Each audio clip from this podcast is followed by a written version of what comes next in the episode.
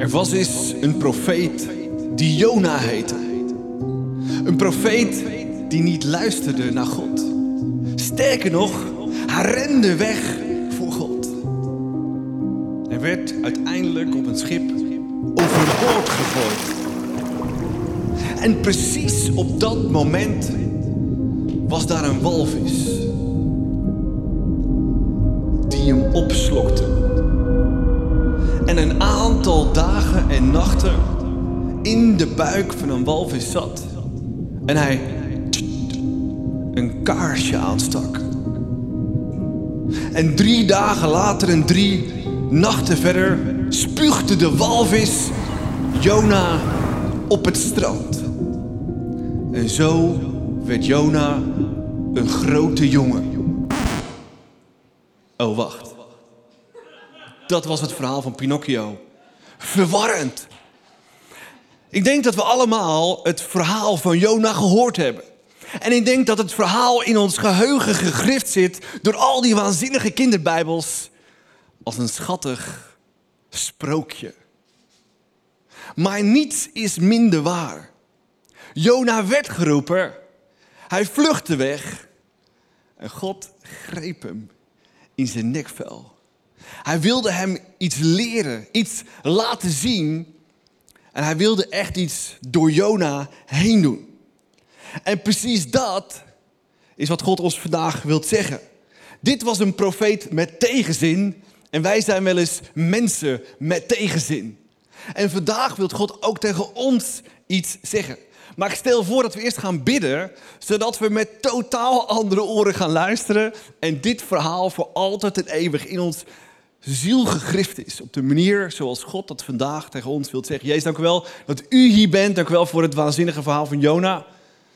Wat totaal geen sprookje is. U wilde iets moois, iets machtigs door hem heen doen. En er waren genoeg redenen voor hem om niet te luisteren naar u. Net zoals wij vaak redenen genoeg hebben om niet te doen wat u ons vraagt. En ook weg te rennen. Maar hier zijn we vandaag om vandaag en de komende weken met andere oren, ogen en hart en gedachten te luisteren naar dit waanzinnige verhaal en wat u in het leven van Jona deed. In Jezus' naam vragen we dit. Amen. Laten we je meenemen in het vers waar het allemaal begint en zien wat daar bijzonders aan is. Het staat in Jona 1. De Heere zei tegen Jona, de zoon van Amittai, ga naar de grote stad Nineveh en geef haar inwoners namens mij de volgende boodschap. De Heere zegt, ik waarschuw u, want ik kan uw slechtheid niet meer langer verdragen. Maar Jona wilde niet. Hij ging naar de havenstad Java, waar hij een schip vond met de bestemming de stad Tarsus aan de Spaanse Costa Brava. Ik denk in zijn hoofd voor een heerlijke cerveza als eindbestemming. Hij betaalde zijn overtocht en ging aan boord en vluchtte zo voor de Heer. De profeet met tegenzin. Nou, in dit vers staan al ontzettend bijzondere dingen. Als eerste, Jona staat bekend als inderdaad de profeet met tegenzin en zijn naam betekent duif. Maar zijn vader Amitai, de naam betekent waarheid. Fantastisch toch om zoon te zijn van de waarheid. Om de waarheid te brengen, ook al had hij een beetje tegenzin.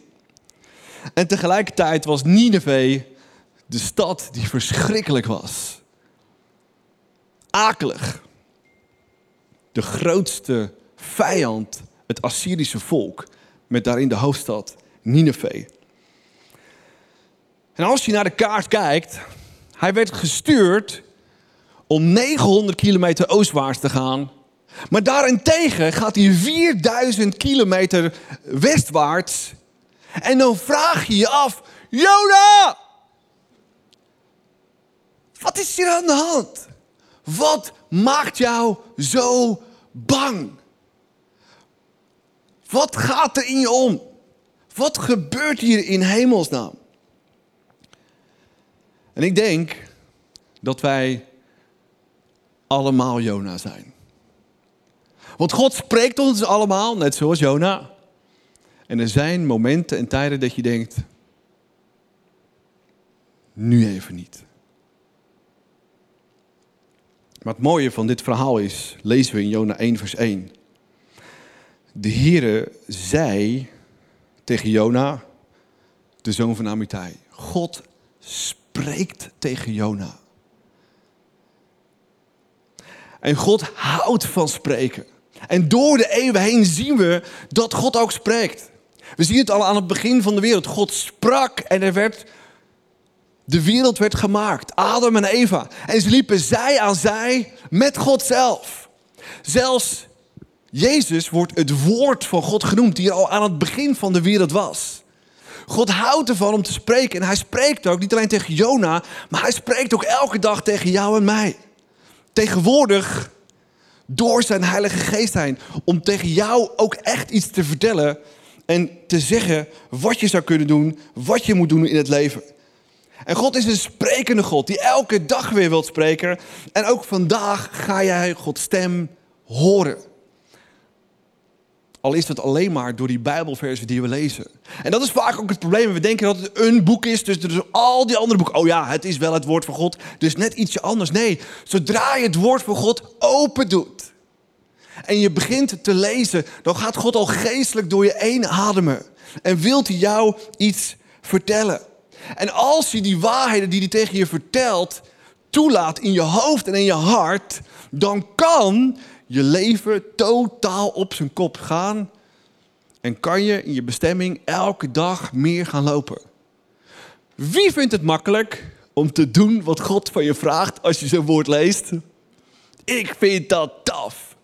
Maar precies dat is wat God elke dag weer doet. En precies dat doet hij ook vandaag naar jou en mij. En laten we in deze message en de komende weken heel specifiek gaan kijken hoe God spreekt en wat wij kunnen doen. Corrie, neem ons mee in een aantal gedachten die ons helpen dit verhaal echt te snappen en begrijpen. Yes, want de eerste gedachte van vandaag is dat God ons vaak iets vraagt wat we niet willen doen. En Ari zei het net al, het goede nieuws hiervan is dus dat God spreekt. Hij spreekt tot jou, hij spreekt tot mij, hij spreekt tot ieder op een eigen manier, met eigen woorden, op een eigen creatieve manier. En hij spreekt dus ook tot Jona. En wat hij. En, en ik weet niet hoe dat bij jullie is. Als je een opdracht krijgt van iemand die misschien wel veel meer autoriteit heeft. of veel meer ervaring op een bepaald gebied. hoe jij ermee omgaat. Maar bij mij werkt het een beetje zo. Liever niet. ik weet het zelf wel beter. Mijn manier is eigenlijk sneller. Mijn manier is eigenlijk beter. En dat betekent dat ik af en toe wel eens op de blaren moet zitten. Omdat die manier, zoals iemand mij dat verteld heeft, of zoals God mij dat verteld heeft, toch eigenlijk de beste manier was. En denk je eens na. Je bent vast wel eens op een feestje geweest, waarin je een aantal drankjes hebt gedronken en de sfeer zit er goed in. Je maakt iedereen met iedereen lekker gezellig een babbeltje en je bent helemaal de man of je bent helemaal de woman van de avond. En je denkt, goh, ik heb toch nog wel zin in nog een drankje. En je loopt naar die tafel toe en een van je vrienden of je partner komt naar je toe en zegt: Is dat nou wel slim? Moet je dat drankje nou wel nemen? En jij denkt: I'm on top of the world. I'm on fire. Ik ga dat drankje nemen en niemand die me tegenhoudt. En de volgende ochtend. Ai. Pijn. Crisis. Je voelt je niet zo lekker. En Jona die had ook zo'n moment. Dat God hem iets vroeg en dat hij zei: hmm, heb ik geen zin in. Ik doe wat ik zelf wil doen. En wat zegt nou God, God nou eigenlijk? Hij zegt: Jona, ga naar de grote stad Nineveh en geef haar inwoners namens mij de volgende boodschap. De Heere zegt: Ik waarschuw u, want ik kan uw slechtheid niet langer verdragen. Ja, Jona is een profeet. Het is toch zijn job om het woord van God te verkondigen aan de mensen om hem heen? Wat is nou de issue? Waar doet Jona nou moeilijk over? Hij is profeet. Het is precies de bedoeling dat als God tot hem spreekt, dat hij op pad gaat en gaat doen wat hij moet doen. En toch zegt Jona: ik heb een ander plan. Maar waarom? Waarom heeft Jona nou een ander plan? Nou, Ari zei het net al. Nineveh, de hoofdstad van Assyrië, was niet zo'n leuke plek. Die Assyriërs, die waren niet zo cool. Dat was een luguber volk. Dat was een macaber volk. Ze martelden hun gevangenen. En niet een klein beetje, maar echt heftig. Er waren zelfs hele steden die zelfmoord pleegden als ze wisten dat de Assyriërs kwamen om hun stad in te nemen. Dat is heftig. Hele steden die zelfmoord plegen omdat ze de martelingen van de Assyriërs niet willen ondergaan. Want wat deden ze? Ze namen die stad in, ze verkrachten de vrouwen, ze verkrachten jonge meisjes, doden de rest van de kinderen, vilden de mannen levend van kop tot teen, groeven een gat in de woestijn, stopten ze erin tot de nek toe, trokken hun tong eruit en lieten ze gek worden van de dorst in die hitte van die woestijn. Dat is heftig. En als ze dan dood waren, alle koppen eraf. En ze bouwden van al die afgehakte koppen een piramide als statement. Wij zijn die Assyriërs, wij zijn onoverwinnelijk. Niemand zal met ons zollen. Dat was waar Jona heen moest. Ik snap wel dat hij niet wilde. Hij had misschien wel familie verloren op die manier. Of vrienden. Hij wist wat die Assyriërs, eh, hij wist waar ze toe in staat waren. En God vraagt aan hem, ga er maar naartoe en breng die boodschap maar. Is niet easy. En Jona koos ervoor om niet te luisteren. En God vroeg dus iets heel specifieks aan Jona. Maar het kan dus ook zijn dat hij iets heel specifieks aan jou vraagt. Misschien zegt God wel iets heel specifieks tegen jou, dat je een persoon moet vergeven. Een persoon die jou tot in je diepste pijn heeft gedaan, op je ziel heeft getrapt, je identiteit kapot heeft gemaakt. En God zegt heel helder tegen jou, en je hebt zijn stem verstaan, vergeef die persoon. En vergeef die persoon zoals ik jou heb vergeven. Dat is heftig. Is moeilijk. Als God spreekt, wat doen we dan? Het kan ook zijn dat God iets tegen jou zegt over geven, over je, vrouw, over je vrijgevigheid. En Jos zei er net al iets over in de hosting. Vrijgevigheid is zo belangrijk. Er wordt zo vaak over gesproken in de Bijbel. Zo vaak. Maar wat doen we als God tot ons spreekt over vrijgevigheid? Wat denk je dan? Ach, ik heb er toch zelf hard voor gewerkt? Het is toch mijn geld? Maar denk je maar in dat alles wat je hebt, dat dat is wat je van God hebt gekregen. En dat een tiende aan Hem teruggeven, Hem eert. Het eert God. Het maakt hem blij. En niet omdat hij jouw geld nodig heeft, maar omdat je gehoorzaam bent aan wat hij van je vraagt. En het kan ook zomaar zijn dat je aan het daten bent en je bent daarin gegaan met allerlei principes. Maar het voelt allemaal zo goed. En ik voel me zo geliefd. En wat is het heerlijk. En wat je doet, is je zet oogklep op. Je kijkt alleen nog naar hetgeen waar jij je focus op wilt hebben. Je kijkt niet meer naar wat God tegen je gezegd. Je hoort niet meer wat God tegen je zegt. Je bent alleen nog maar gefocust op hetgeen wat je zelf wilt. En Jona deed precies hetzelfde. Hij zette oogkleppen op op het moment dat God zei: ga naar Nineveh. En wat gebeurt er dan? Dan komen we bij het volgende gedachte van vandaag. Je kunt altijd een schip vinden wat de andere kant op gaat. Altijd. Je kan op de vlucht. Het is zo easy. Jona stapt op een boot. Wij kunnen in een vliegtuig stappen of in de auto. Het maakt niet uit. De mogelijkheden zijn eindeloos om te vluchten en Jona deed het ook. Jona ging op een boot. Maar je kan op zoveel verschillende manieren vluchten. Je kan vluchten in taken en het kan er dan aan de buitenkant zo prachtig uitzien. Maar als God jou geroepen heeft voor iets heel specifieks en jij bedelft jezelf onder taken voor de kerk, maar het is niet dat specifieke wat God van je gevraagd heeft, dan ben je op de vlucht. Het kan zijn dat je je helemaal onderdompelt in het zorgen voor andere mensen, wat fantastisch is. Maar als het niet is wat God van je gevraagd heeft, dan ben je op de vlucht. Of die job die je hebt, die helemaal top is, waar je flink aan het cashen bent, wat je misschien dan ook nog wel eens weggeeft, maar het is niet wat God van je gevraagd heeft, dan ben je op de vlucht. Wat is jouw Nineveh? Waarvan ben je op de vlucht? Denk daar maar eens over na.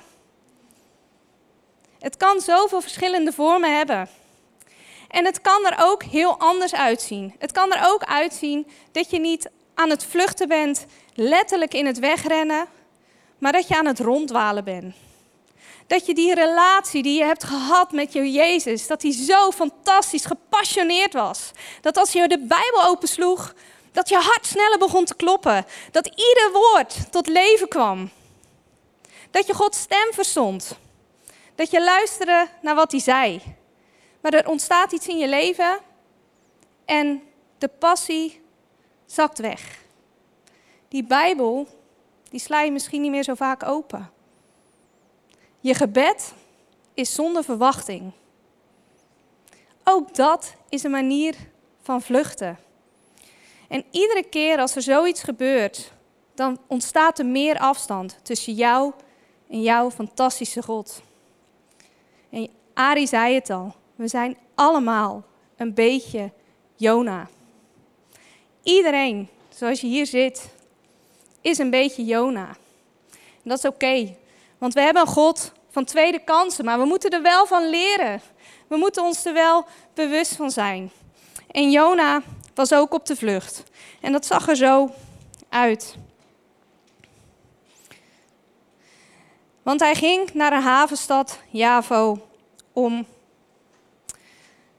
op die boot te stappen. En laten we lezen wat er staat. Jona wilde niet. Hij ging naar de havenstad Javo, waar hij een schip vond met Tarsus als bestemming. Hij betaalde voor zijn overtocht, ging aan boord en vluchtte voor de Heer. Nou, waarom ging hij nou naar Tarsus? Tarsus was echt serieus ver weg. Hij moest 900 kilometer naar het oosten en hij ging 4000 kilometer naar het westen. Dat is echt heftig ver. Ze denken dat het een reis is van een jaar lang. Dan wil je echt wel weg. Dan wil je echt niet naar Nineveh. Dan ben je heftig op de vlucht. En dat is wat Jona deed. Hij ging op de vlucht met die boot. En weet je, op het moment dat we God niet gehoorzamen, net zoals Jona God niet gehoorzamen, en we zetten die oogkleppen op, en we doen lekker waar we zelf zin in hebben, dan zegt dat iets over onze geestelijke volwassenheid. Want als God iets van je vraagt en je handelt snel, dan kunnen we zeggen dat je geestelijk volwassen bent. Maar duurt het een tijdje, focus jij je op je eigen ding op het moment dat God iets van je vraagt. En misschien vandaag het zelfs al op de plank. Schrijf je het nog misschien wel ergens op een to-do-lijstje. Maar zet je die oogkleppen op, luister je niet, kijk je de andere kant op. Ja, dan valt er qua geestelijke volwassenheid nog wel wat te leren. En dan komen we bij de derde gedachte van vandaag. God kan een storm sturen om jouw aandacht te trekken. En misschien heb je nu wel een beetje een aha-moment. God kan een storm sturen om jouw aandacht te trekken. En laten we lezen wat er met Jona gebeurde.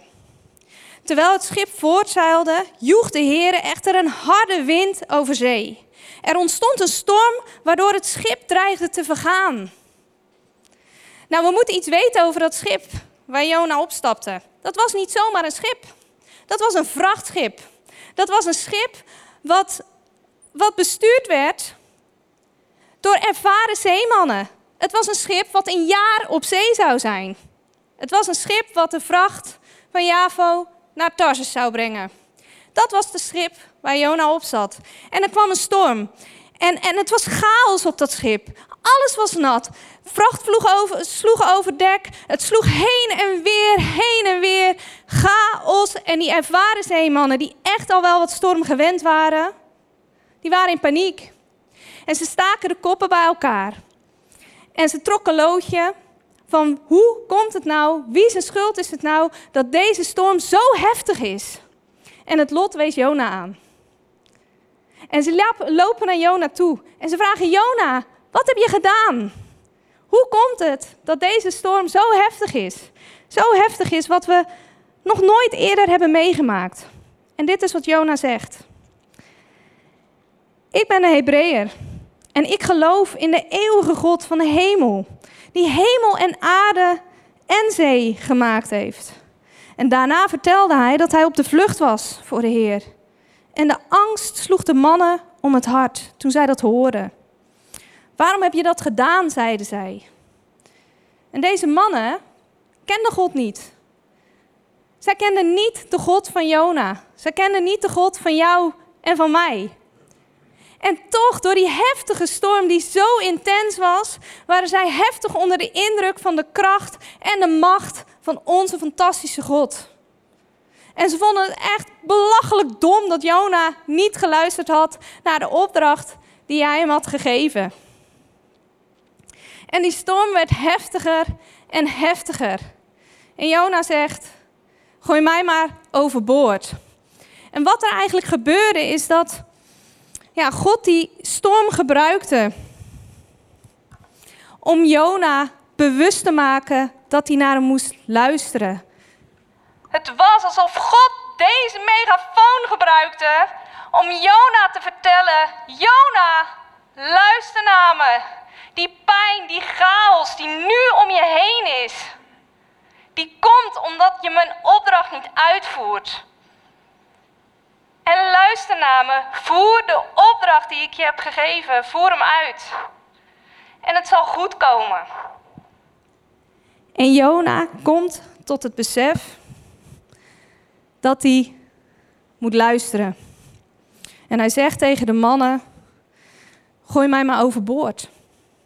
Gooi mij maar overboord en die storm die zal gaan liggen. Maar ja, die mannen, die zagen dat toch niet zo zitten. Want je gooit toch niet zomaar in zo'n heftige storm iemand overboord. Maar die storm werd nog heftiger en heftiger. En het was iets wat ze nog nooit eerder hadden meegemaakt. En die mannen erkenden de kracht van God, gingen op hun knieën, vroegen vergeving aan God. Heer, vergeef me. Vergeef ons voor wat we Jona aan gaan doen. En ze gooiden hem overboord. En de storm gaat liggen. En dat brengt ons bij de laatste gedachte van vandaag. Ari, wil jij ons meenemen? Zeker. En misschien heb je zelf ook dingen meegemaakt in je leven en maak je zelf nu ook dingen mee. Misschien een enorme storm, misschien een enorme chaos. En voel je die pijn van die keuzes die je gemaakt hebt, waarvan je nu weet dat was misschien niet het allerslimste. En als het nog niet erg genoeg was bij Jona, gebeurde het ergste. Er was daar een vis in het water. En hij werd opgeslokt in die vis. En misschien denk je, waar komt die vis nou vandaan? Middellandse Zee, rustig, lekker inktvis eten, kleine visjes, that's it. Je moet weten dat op de, op de dag van vandaag de hele Middellandse Zee vol zit met walvissen. Dus het verhaal is plausibel als wat. Maar wat nou als jij Jona was? En je werd opgeslokt en je zat drie dagen en drie nachten in die walvis. Wat zou jij voelen? Wat zou jij denken? Wel eens op de markt geweest, bij de visboer. Hoe ruikt het daar? Dit is nog honderdduizend keer erger. Verschrikkelijk. En zo ruikt onze pijn en chaos in ons leven soms ook. En dan moeten we snappen dat God aan ons spreekt.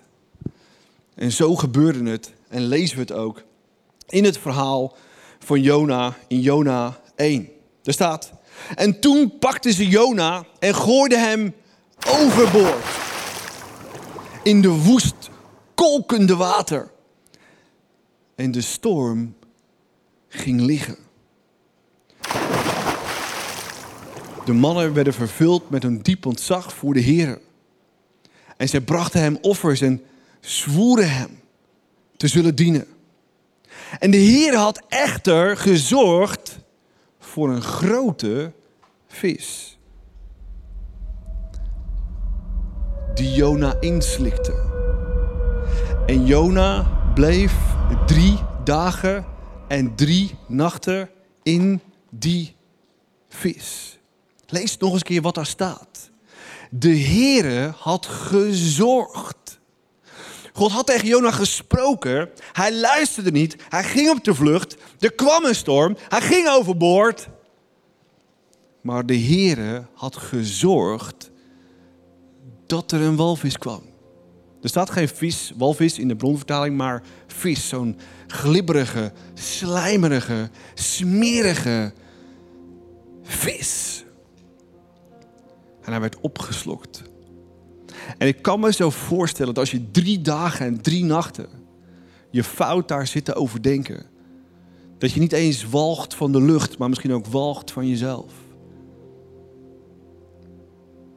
Maar dat is het goede nieuws. De Heere zorgde ervoor dat er een vis was. En misschien zit je zelf ook in een situatie waarin je weet wat je moet doen, maar je niet luistert naar God. Waarin je wilt wegrennen. Waarin het zweet uitbreekt om dat te doen wat God van je vraagt. Waarin je het zo moeilijk vindt om te doen wat Hij tegen je gezegd heeft. En je wilt weglopen en wegrennen. En misschien zit je nu te pijn van financieel verkeerde keuzes. Misschien zit je nu te pijn van relationeel verkeerde keuzes. Misschien zit je nu te pijn van dat je dingen nagelaten hebt die God zich gevraagd heeft om te doen. Misschien zeg je wel, maar God, ik ervaar u niet meer. En God zegt, dat klopt. Ik heb je een opdracht gegeven. Ik wil iets groots door je heen doen.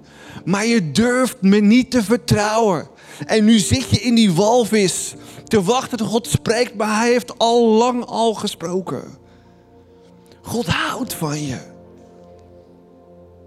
En heeft misschien wel gezorgd voor die storm en die walvis in je leven, waar je nu geen raad mee weet. God houdt van je.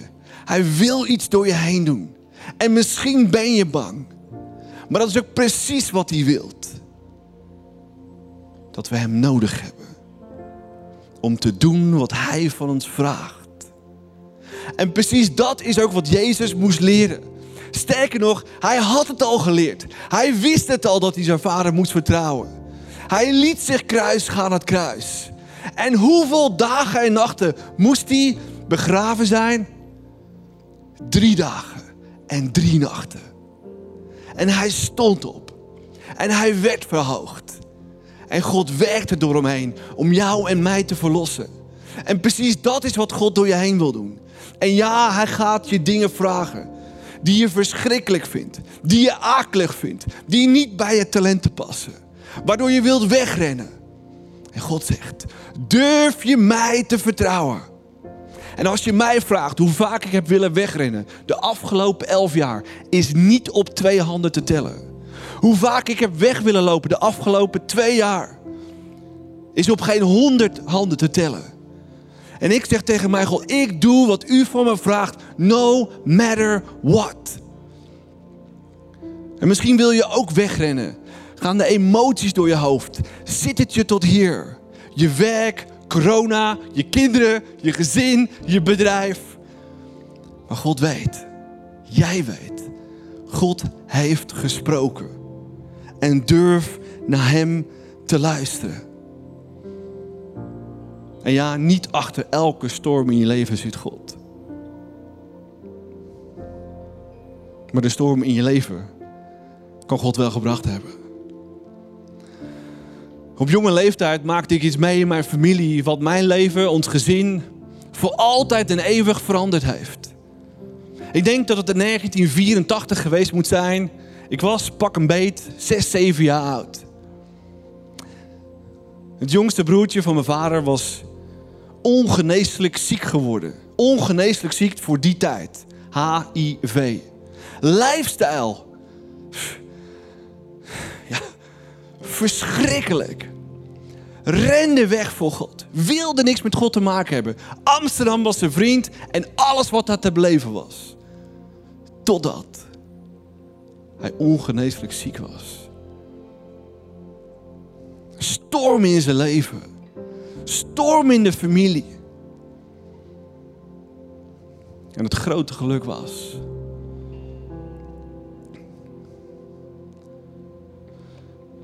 dat de oma, mijn oma van de andere kant van mijn familie, precies daar om de hoek was komen wonen.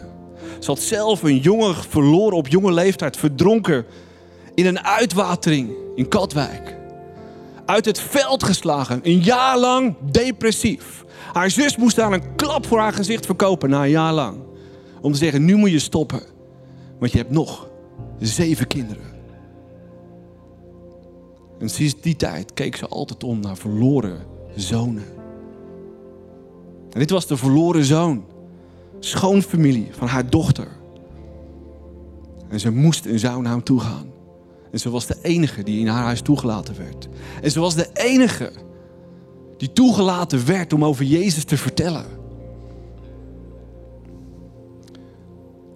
Want hij wilde zo graag over God horen. Maar durfde niet toe te geven.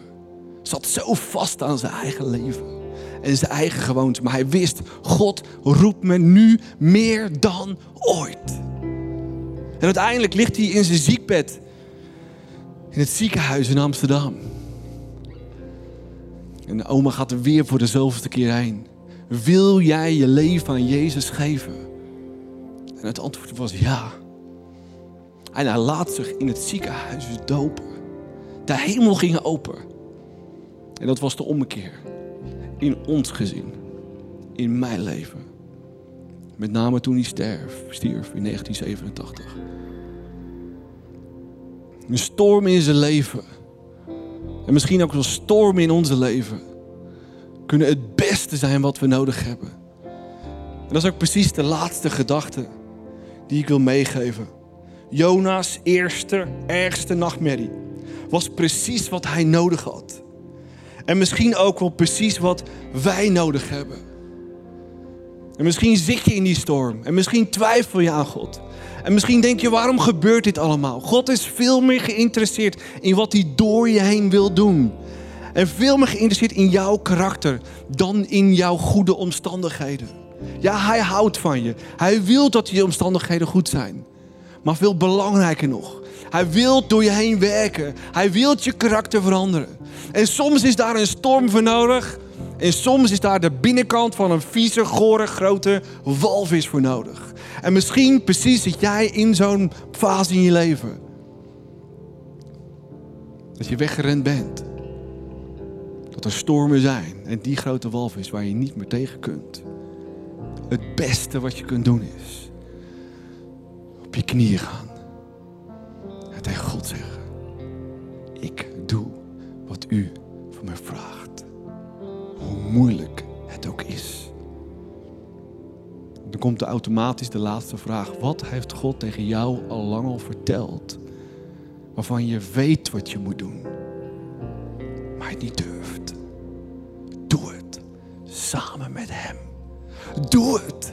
Samen met je smoorkop of je team. En als je het niet hebt, zorg dat je die mensen om je heen krijgt. Zorg dat God je karakter kan veranderen. Zorg dat hij door je heen kan werken. En iets machtigs kan doen. Waar je nu misschien stinkend bang voor bent. Met God hoeven we nooit bang te zijn. Dat we nu gaan luisteren en in dat worship jezelf afvragen: wat heeft God mij verteld? Wat vind ik oh zo moeilijk om te doen? En je handen misschien wel letterlijk te openen. En zeg: God, ik geef het dan terug. En ik doe wat u van me vraagt. Hoe moeilijk, hoe lastig, hoe groot, hoe emotioneel dan ook. Zullen we het samen staan doen? Misschien zit je in zo'n storm. En misschien heeft God al lang al tegen je gesproken. En weet je wat je moet doen, maar je durft het niet. Of misschien hoor je zo lang Gods stem al niet meer. Omdat je ergens een afslag overgeslagen hebt. Waarom niet vandaag? Waarom niet nu? Omhoog kijken. Zeg God, ik wil niet meer twijfelen. Ik wil niet meer wegrennen. Ik wil in mijn bestemming wandelen, lopen, samen met u de strijd aangaan. Zodat u door mij heen kan doen wat u lang al gepland heeft. Zullen we samen bidden? Wees dank wel voor uw liefde, voor uw trouw. Dank wel voor het waanzinnige verhaal van Jona, wat totaal geen sprookje is, maar keihard de realiteit voor hem. Maar ook de situatie waar wij in zitten. Onze uitdaging, wat u van ons vraagt in onze tijd. Voor onze kerk, in ons leven, in ons bedrijf. Zijn er zoveel momenten en dingen waarvoor we willen weglopen.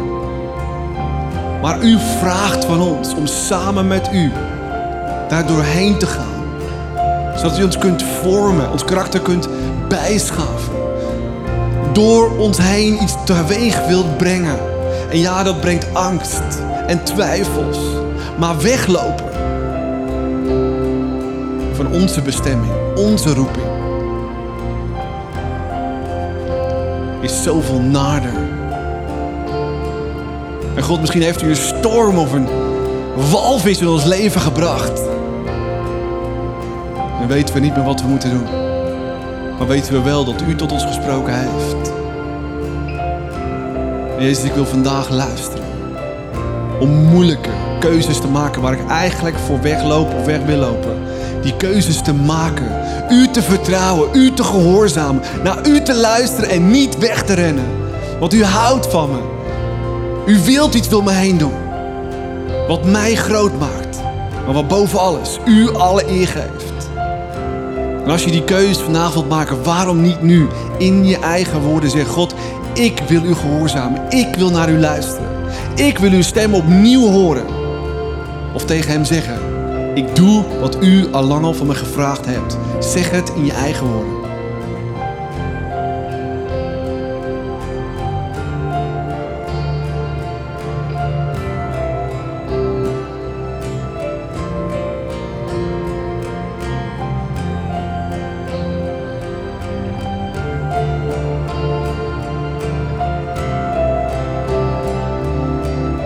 Wees dank wel voor u bent. Dank wel dat u ons gebed gehoord heeft. Heilige Geest, we vragen u nu heel specifiek op dit moment. Vul ons met nieuwe liefde. Vul ons met nieuwe kracht. Vul ons met wat we nodig hebben, exact. Om weer uit die storm, uit die walvis, uit onze situatie te komen. Te doen wat u van ons vraagt en te ervaren hoe vervullend het is. Om door God almachtig gebruikt te worden. Heilige Geest, dank u wel dat u bij ons bent. En precies ons geeft wat we nodig hebben. Zodra we doen wat u van ons vraagt. De juiste woorden, de juiste middelen, de juiste mensen, de juiste moed, de juiste liefde. Om die situatie in ons leven aan te pakken en te doen wat u van ons vraagt. In Jezus' naam. Amen. En laten we hem danken voor alles wat hij wil doen door je heen. En laten we danken tijdens de worship met z'n allen.